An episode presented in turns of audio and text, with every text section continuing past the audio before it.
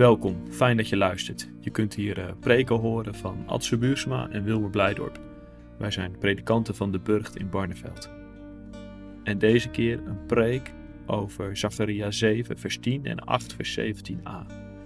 Daar staat dit, onderdruk geen wezen en weduwen, en ook geen vreemdelingen en armen, en wees er niet op uit om een ander kwaad te doen. Bij die woorden wordt een Bijbelgedeelte gelezen uit 1 Korinthe 11, twee stukjes daaruit, over de maaltijd van de Heer. En in de dienst waarin deze preek gehouden is, werd ook het avondmaal gevierd. We bidden dat het luisteren naar deze preek je mag opbouwen in geloof.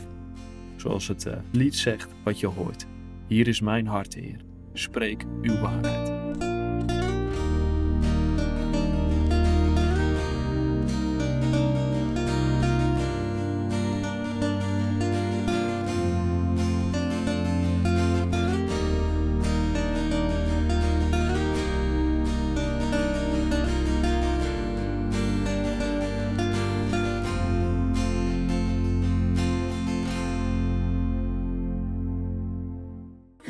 Toch aanwijzingen geef, ik kan u niet prijzen om uw samenkomsten.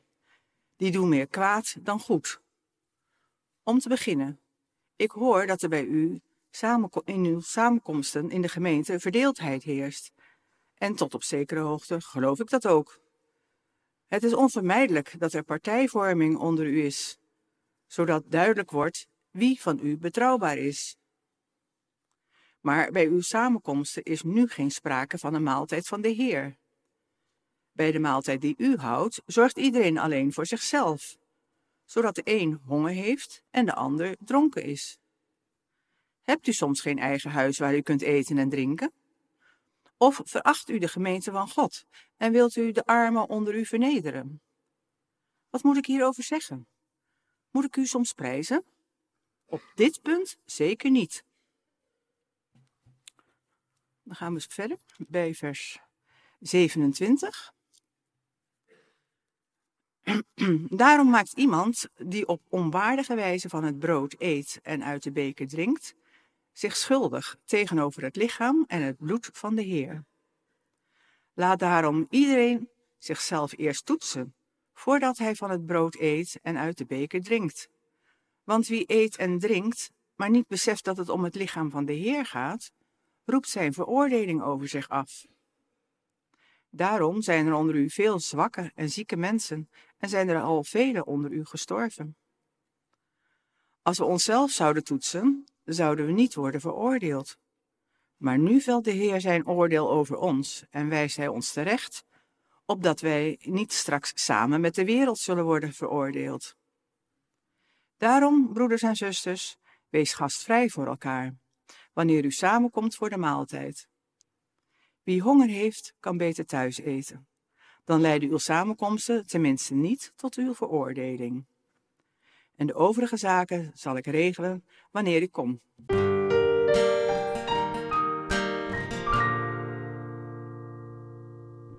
Ja, de tweede zondag van Advent. Niet om terug te kijken naar Jezus die naar de wereld kwam, maar om vooruit te kijken naar Jezus die komt. Advent is een tijd van hopen. Hoop op een nieuwe wereld. Een eerlijke wereld, een rechtvaardige wereld. Een vriendelijke wereld.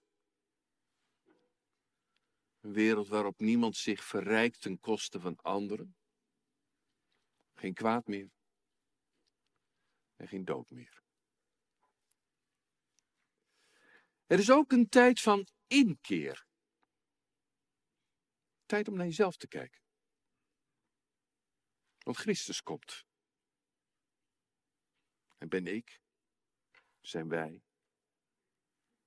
Ben jij? Daar klaar voor. En we doen dat dit jaar met Zacharia 7 en 8. Nog even de situatie. Israël is teruggekeerd uit de ballingschap. En dan denk je, zou je denken, het kan alleen maar beter worden. Nieuwe tijden breken aan. Maar dat valt tegen. En in die situatie komt er een vraag uit het volk op. Een vraag naar het vasten. Zolang wij in ballingschap waren, hadden we reden om te vasten. Maar nu moeten we nog doorgaan met dat vasten. Of kunnen we ermee stoppen? Wordt het niet eens tijd voor een maaltijd? En dan komt de vraag van God. Als je de vorige week bij was, dan weet je het nog. De vraag van God aan Israël, aan de mensen. Hij zegt, dat vasten. Voor wie doe je dat eigenlijk? Doe je dat voor mij? Israël wordt opgeroepen om zichzelf te toetsen. Ben ik op God gericht of op mezelf gericht? En niet alleen het vasten wordt in de Bijbel bevraagd, maar ook de maaltijd. De maaltijd van de Heer. En dat gebeurt in de brief aan de Corinthiërs. We hebben het gelezen.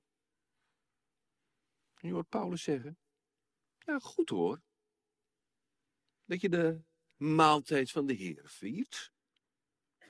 Jezus heeft je gezegd om van het brood te eten en de beker te drinken totdat hij komt.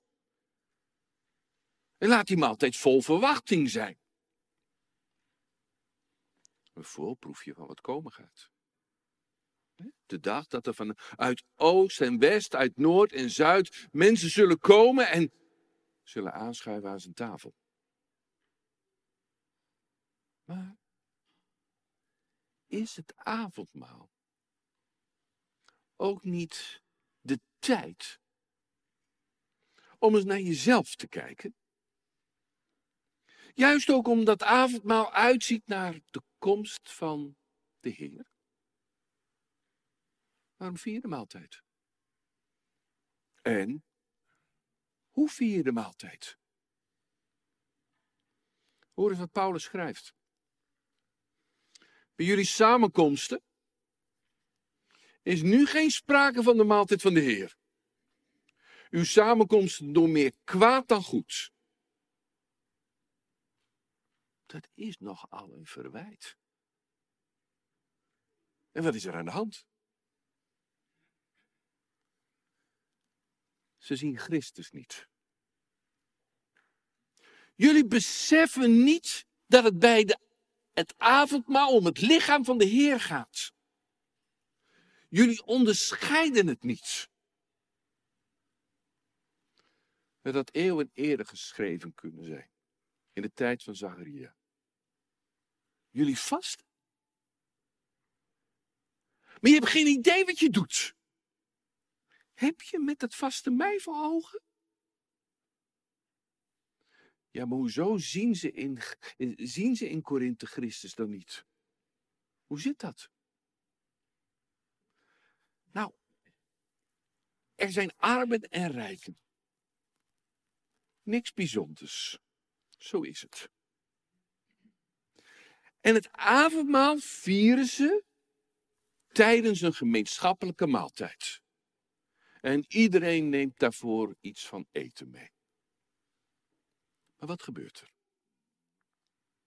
De rijken eten veel. En de armen lijden honger. Het zal misschien geen opzet zijn, maar het gebeurt wel. En dat is de rode draad door het gedeelte dat we hebben gelezen. En vandaar ook die afsluiting wie honger heeft, kan beter thuis eten. je zou dat ook kunnen lezen als wie gulzig is, die kan maar beter thuis gulzigheid uitleven. Dan wordt in ieder geval de maaltijd van de Heer niet bezoedeld. En Paulus zegt, hoe kun je dat nou doen? Heb je nog wat door waar je mee bezig bent? Hoe kun je dat doen bij de maaltijd van de Heer? Dit gaat lijnrecht in tegen wat je overal in de Bijbel wordt voorgehouden. In de Bijbel gaat het over God zien. Het gaat over Jezus zien. Het gaat over Jezus aanbidden. Het gaat over God verheerlijken. En God verheerlijken is voor God.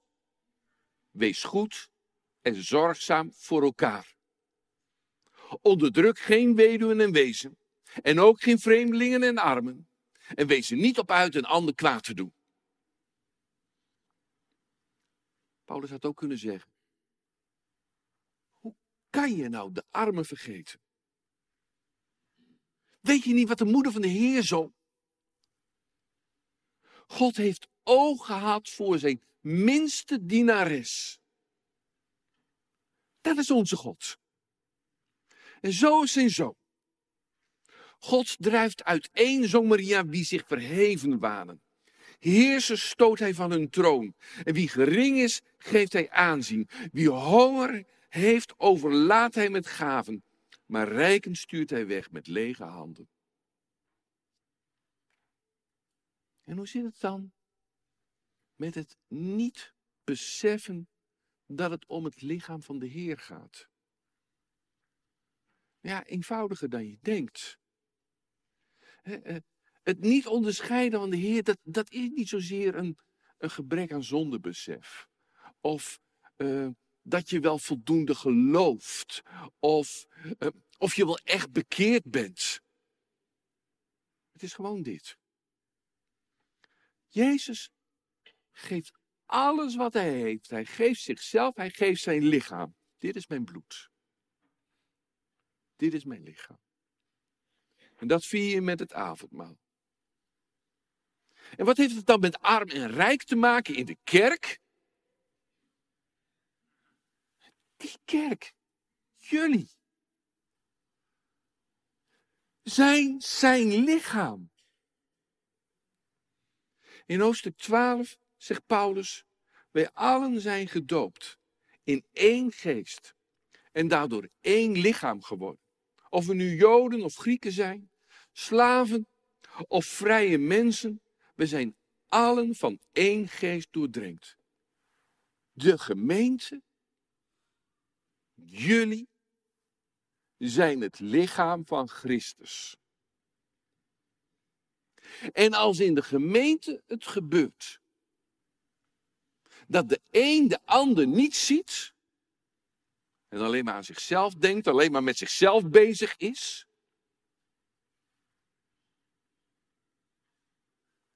alleen maar met zichzelf bezig is, je, zo kun je het avondmaal ook beleven. Hè? Mijn Heer, voor mijn zonde. Viert individueel, maar het avondmaal is gegeven aan ons als het lichaam van Christus. En als je binnen het lichaam van Christus niet goed voor een ander bent, tas je het lichaam van Christus aan. Dan doe je hetzelfde als degene die het lichaam van Christus kruisigde. Dan kom je aan zijn lichaam. En dan volgen een paar woorden, een paar bijzondere woorden, waar ik heel kort iets over zeggen wil. Daarom zijn er onder u zoveel zwak en ziek. En zijn er velen onder u gestorven. Het zijn woorden waar je zomaar mee aan de haal kunt gaan. Door er een algemene regel van te maken. Worden mensen ziek, sterven mensen, dan is dat een oordeel van God.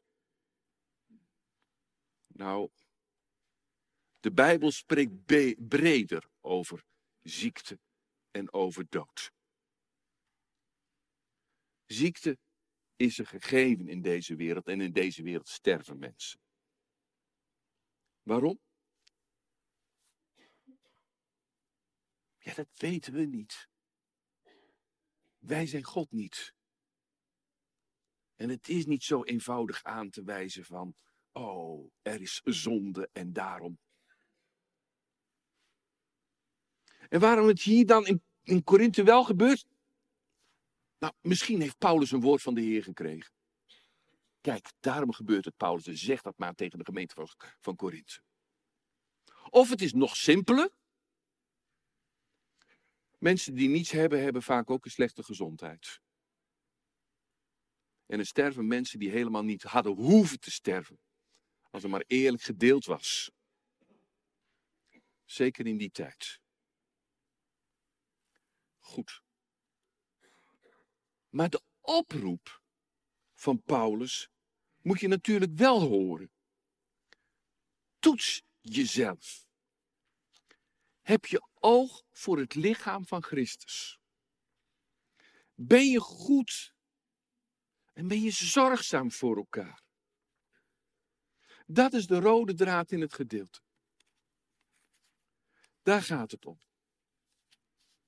Ben je net als de Heer goed en zorgzaam? Niet alleen voor je broeders en zusters, maar voor alle mensen. Ben je ervan doordrongen dat geen mens zelfredzaam is? Jij niet, maar ook de ander niet. Dat in de gemeente mensen genade nodig hebben. Van onze Heer, maar ook van jou. En niet alleen in de gemeente, maar ook buiten de gemeente. We leven in een genadeloze en onbarmhartige tijd. Waarin mensen snel veroordeeld worden. Van alles wordt toegevoegd via Twitter of Facebook. Want trouwens zijn naar elkaar. Mensen horen naar vriendelijkheid. En als mensen nu iets tekort komen, dan is dat misschien niet eens brood. Dan speelt dat ook wel. Maar ik denk dat er nog een veel grotere honger is naar vriendelijkheid en gezien worden. Kies ervoor. Als je bij het lichaam van de Heer hoort, om anders te zijn om goed te zijn. Om aardig te zijn. En dat mag je best iets kosten. Als je alleen maar aardig bent voor mensen die ook aardig zijn voor jou. Jij hebt tenslotte Christus ook veel gekost. En als hij alleen maar aardig zou zijn voor mensen die aardig zouden zijn voor hem. Heb je begrepen kostbaar die mensen zijn naast wie je nu zit, tussen wie je zit? Maar ook als je straks naar buiten gaat, heb je begrepen hoe kostbaar die mensen zijn in de ogen van onze Heer, die hen het leven heeft gegeven? Wees goed. Wees vriendelijk. Kies ervoor om de ander te zien. Groet op straat. Ook als de ander niet groet. Ook als die niet teruggroet. Groet je buren. Groet bij de kassa. Stop met bellen wanneer je afrekent. Schuif in de kerk niet zomaar aan zonder een vriendelijk woord. Zeg even iets aardigs. Gewoon iets aardigs. Fijn dat je er bent. Wat heb je mooie kleren aan? Wat zie je er goed uit? Zeg iets liefs. Zeg het wanneer je iets goeds in een ander opmerkt. Leef met degene mee die ziek is of die rouwt.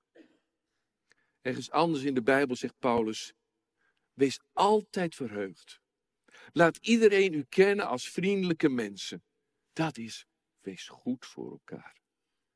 En vergeet niet dat die ander je medemens is en in de kerk. Je zus in Christus. En als het om een hij gaat, je broer in Christus, met wie je één lichaam vormt. Toets. Is het in jou te zien dat jij bij Christus hoort, van Christus bent? is de hoop die Hij geeft zichtbaar in jou? En de troost? En de barmhartigheid, zijn mededogen? En genade? En vriendelijkheid. Ben jij als onderdeel van het lichaam van Christus een hoopvol teken dat verwijst naar Hem? Toets jezelf. Toets jezelf wanneer je vast. Toets jezelf wanneer je avondmaal viert. Bedenk wat de gemeenschap je waard is. Wat ze Jezus waard is. Sta stil bij zijn liefde voor de Heer, voor de wereld. Sta stil bij zijn liefde voor mensen over wie hij iedere dag zijn zon laat opgaan. En volg hem. Dan ben je als vanzelf deel van zijn lichaam. En dan zul je ervaren dat hij erbij is. Immanuel. Bij jou, bij ons. Dan zul je ervaren dat zijn lichaam vlees en bloed krijgt. In de ander en in jou. En als dan de dag komt dat de hemel scheurt en je hem ziet verschijnen en het grote feest wordt klaargemaakt, dan zal hij zeggen, welkom. Jullie zijn door de Vader gezegend. Jij bent er een van mij. Kom en neem deel aan het koninkrijk dat al sinds de grondvesting van de wereld voor jullie bestemd is. Welkom, hartelijk welkom. abre.